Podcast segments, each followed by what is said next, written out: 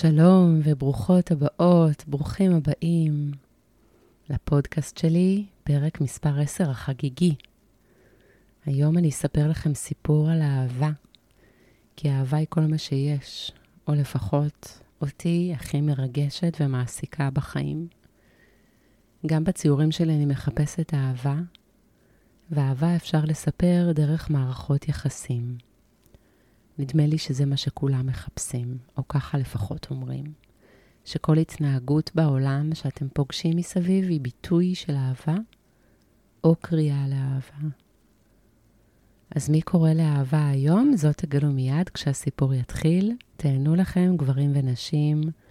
אני תקווה שפתיל האהבה משתרך לכם מהתיק או מהנרתיק, שעודכם מחוברים אל התשוקה וכוח הרצון לאהוב. להיות נאהבות, לגעת, לקחת, לאכול ולחפש עוד. לפני זה אני אשיר, כי אתם יודעים, במשך הזמן הזה שאני מקליטה, אז uh, אני, קודם כל אני מקבלת מלא תגובות. אני רוצה להגיד תודה. תודה לכל מי שטורחות וטורחים לצלצל אליי, אשכרה לצלצל אליי בטלפון, לשלוח לי הודעות, לכתוב לי הודעות, בכל מיני ערוצים, לעצור אותי ברחוב, להגיד לי, וואי, אני מקשיבה לפודקאסט שלך, לא שמעתי הכל, שמעתי רק את פרק 2, שמעתי רק את פרק 6, איזה מעולה, איך הזדהיתי וזה. יואו, אז ממש, כל מי ששומעת או שומע ואוהבים את הפודקאסט שלי, אני מה זה אשמח שתגידו לי, זה, זה לא מיותר, זה לא מכביד, זה לא מעמיס, זה לא מפדח, זה לא כלום, אני שמחה. בבקשה, בבקשה, תגידו, זה כיף, זה אדיר, תפיצו. אם אתם חושבים שהוא טוב והוא מביא לכם תועלת, אז יאללה, לא לחכות, תעשו share, תעשו מה שצריך, תפיצו את הפודקאסט. אה, אז זה דבר אחד. דבר שני, גם קיבלתי כל מיני הערות אה, בונות. אז אה, תודה רבה על ההערות האלה, גם להן אני ממש שמחה. חברה אחת שלי אמרה לי, את חייבת לשיר בתחילת הפרק, זה פורק אותך מכל הסטרס. ואז את, אה, ואז את כאילו, הפרק שלך נשמע אחרת לגמרי. אז אה, מה היה?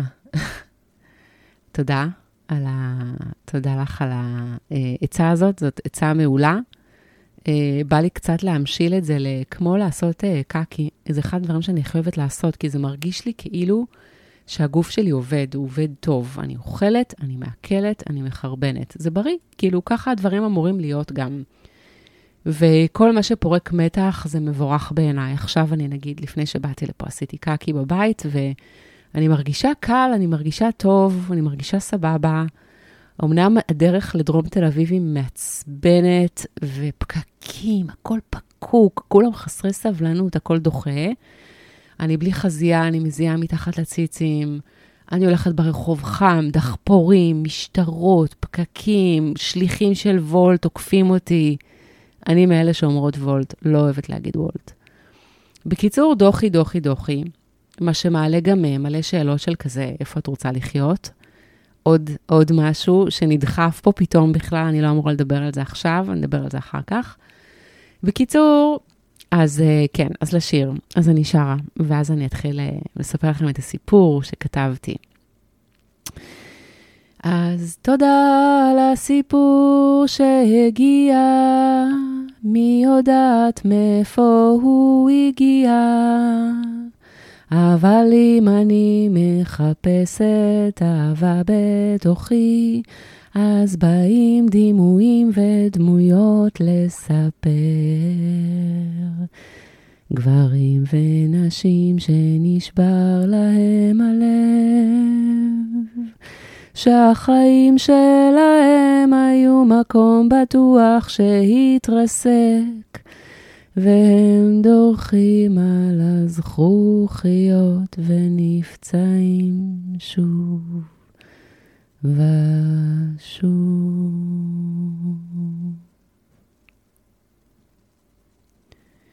רועי ישב בחצר ביתו, ולרגע אחד נשם ולא חשב על שום דבר. עוד נשימה ועוד אחת, ולרגע הוא ממש נרגע, התאפס, נהיה חסר גוף, חסר גיל, בלי סיפור ובלי מעגלים אינסופיים של נסיבות ותנאים. לשם הוא רוצה להגיע, אבל הוא יודע שזה לא יקרה בקלות ולא בקרוב. יותר מדי דברים עומדים לו בדרך. אבא שלו חולה, כל פעם משהו אחר, ממש בדעיכה מתמדת. אימא שלו צריכה אותו די הרבה שילווה ויבוא לתורים, לצילומים, להפניות, להסיע, להחזיר. הוא נאלץ להניח לטינה ולכעסים שהוא צבר מילדותו על הוריו, ולהתפנות לסרוויס מלא, כי אחיו חי בחו"ל והוא היחיד הפנוי. הוא לא עובד. גם על זה יש לו אשמה גדולה. הוא לא צריך לעבוד, הוא היה בהייטק 20 שנה. ברגע מסוים התאפשר לו לצאת עם סל של מתנות ופיצויים ותמלוגים. הוא הלך על זה, בעיקר בדחיפתה של נועה אשתו. היא הייתה לדעת כולם החצי המוצלח יותר. חריפה, זריזה, כישרונית בצורה יוצאת דופן. אישה גבוהה מאוד, מרשימה מאוד. לא יפה במיוחד, אבל אף אחד לא שם לב, ובטח שלא יכל להתעלם ממנה. לידה רועי היה נראה ממש כמו צל נאה ומחמיא. נועה באה ממשפחה מאוד עמידה וגם בעצמה עשתה חיל. כשהתחילו העניינים שלהם עם הבת הגדולה שיילי, אז היא הייתה בת עשר, חריפה כמו אימא שלה, רצינית ועצובה, שהחליטה יום אחד שהיא לא חוזרת יותר לבית ספר. נועה דחקה ברועי לקחת את הפיצויים שהציעו לו, לעזוב את העבודה ולהישאר בבית עם שיילי. לפחות לתקופה הקרובה. תקופה שהפכה מכמה שבועות לשלוש שנים ארוכות וקשות של שכנועים ומריבות, טיפולים, ייעוצים, ימי התאקלמות במסגרות, כלום לא עזר. למרבה המזל, שיילי הייתה ילדה מבריקה שלא בזבזה זמן ואהבה ללמוד לבד.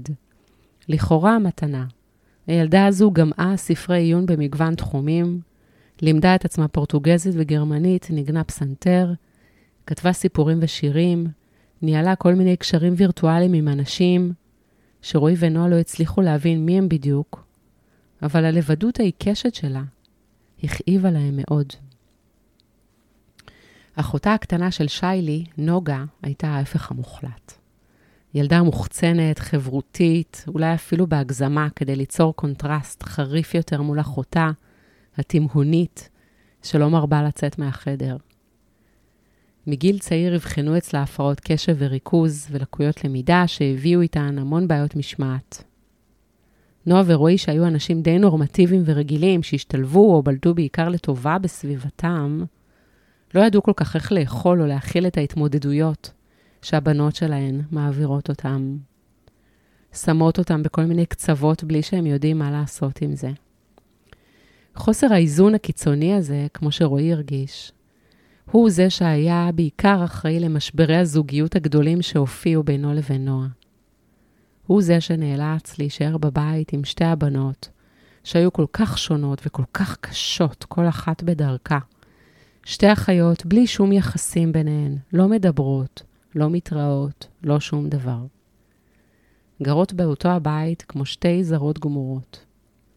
רועי הרגיש כמו כישלון. נועה הייתה חוזרת מאוחר ונוסעת מלא לחו"ל. הוא היה מעדכן אותה כל יום, מה קורה ואיך קורה. משיחה לשיחה הדיבור הפך ליותר טכני ויבש. היא הייתה מקשיבה בחצי ריכוז ומעת לעת מעבירה ביקורת על הדרך שבה טיפל במשברונים שצצו מדי יום. אי אפשר היה להאשים אותו שהוא כבר כמעט שונא אותה. היא הייתה כמו הבוס שלו ולא כמו המאהבת המתוקה שהוא פגש לפני שנים רבות בקמפוס, שהייתה חכמה נורא ושובבה גדולה, שהצחיקה אותו עד מוות, שהייתה להם שפה משותפת מהרגע הראשון. הם אהבו לפתור ולכתוב חידות היגיון, והיו עושים ממש הכל ביחד, ולפעמים אפילו מתלבשים אותו דבר. כמה הוא העריך אז את הדרך המקורית שבה היא הסתכלה על דברים, איך היא פתרה בעיות שצצו, כמה חן היה בכל תנועה שלה, כמה אדישה לכאורה היא שיחקה את עצמה כשבפנים הוא ידע שהיא אש חיה, ורק כשהוא הצליח להדליק אותה, וזה היה קורה די הרבה בהתחלה, היא הייתה מתפרצת ומשתלחת ושורפת אותו יחד איתה במעשי אהבה ארוכים, תובעניים ומענגים עד מוות. כל זה נשכח ואולי גם הפך ללא רלוונטי, כי הנועה ההיא כבר לא הייתה עוד. הוא חי בצילה של אשת קריירה מצליחה ומוכשרת, ממומשת וכריזמטית, עם עדת מעריצים שהולכת וגדלה, כתבות פרופיל מחמיאות מעת לעת, והצעות בלתי פוסקות לעוד פרויקטים, סטארט-אפים, יוזמות, מימונים. ומי יודע, אולי גם במישור האישי היא קיבלה הצעות כאלה ואחרות ליחסים בלתי פורמליים עם כל מיני גברים שהיא פוגשת. הוא לא היה מעורב כלל בחיי המקצועיים, וביתר שאת בחיי הפרטיים. חצי מהחודש היא לא הייתה, ובחצי השני הם ישנו זה לצד זו, מדברים רק על הבנות, מעבירים עדכונים, ובעיקר מקפידים שלא יהיה מגע בין הצדדים. אם במקרה נשען או הזיז משהו שהתקרב אליה יותר מדי, היא נרתעה ומשכה את עצמה קצת רחוק יותר ממנו. הדינמיקה הזו ממש הכאיבה לו, הוא הרגיש לא רצוי, מנוצל, דחוי. רועי ידע שהוא חי עם אישה שרמות התשוקה בדמה גבוהות ביותר. הוא גם ידע שאין ביניהם שום יחסים, פחות או יותר מאז ששיילי בבית והוא לא עובד.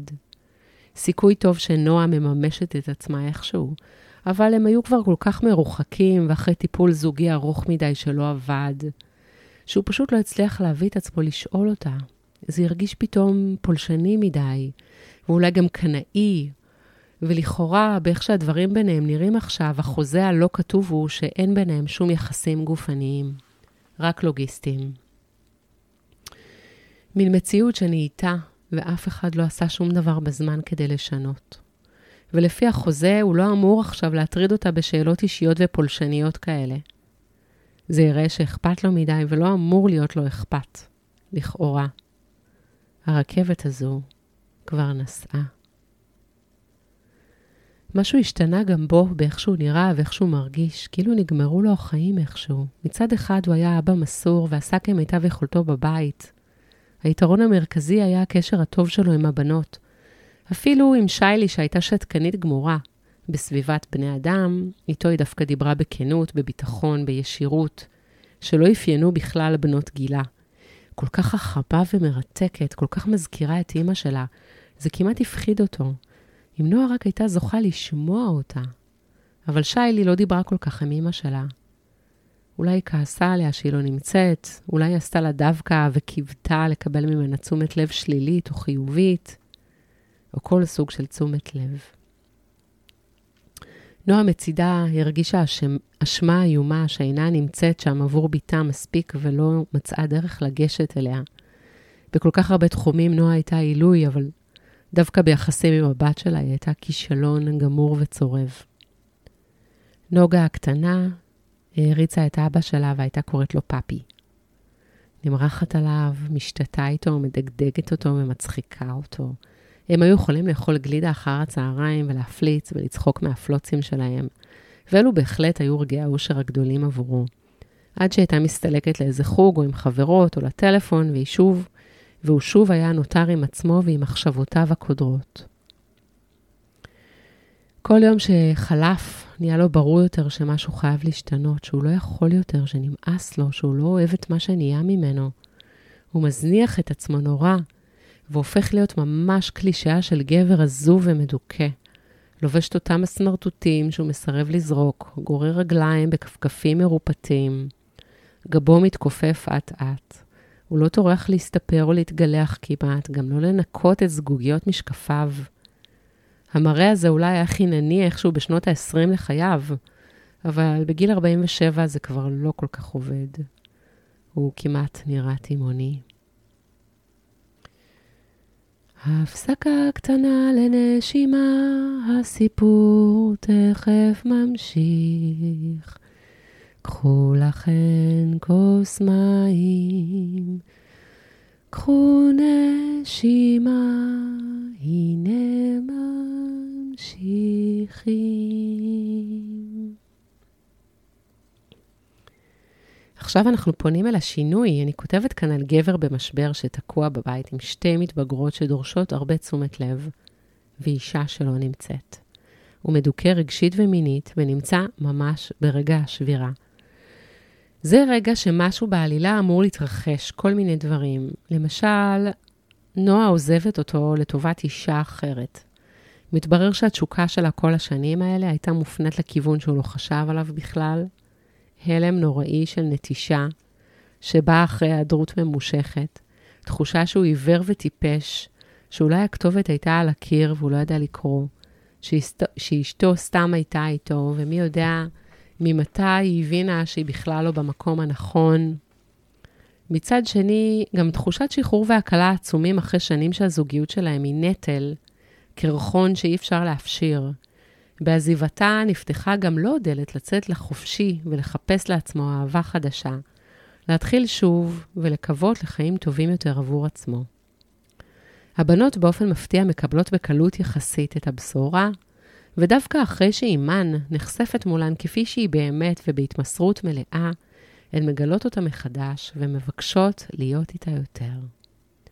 נועה, שזוכה להזדמנות יקרה, שכל כך קיוותה לה, מוצאת דרך לפנות את הלו"ז העמוס שלה, שכרוך בוויתורי קריירה רציניים, וחוזרת להיות אימא בחצי מלא של משרה, מאושרת עם בת הזוג החדשה שלה, שבהמשך גם פונה לכיוונים רוחניים, ומשנה את דרכיה וחייה באופן קיצוני. זאת למשל אפשרות אחת. אפשרות אחרת להמשך.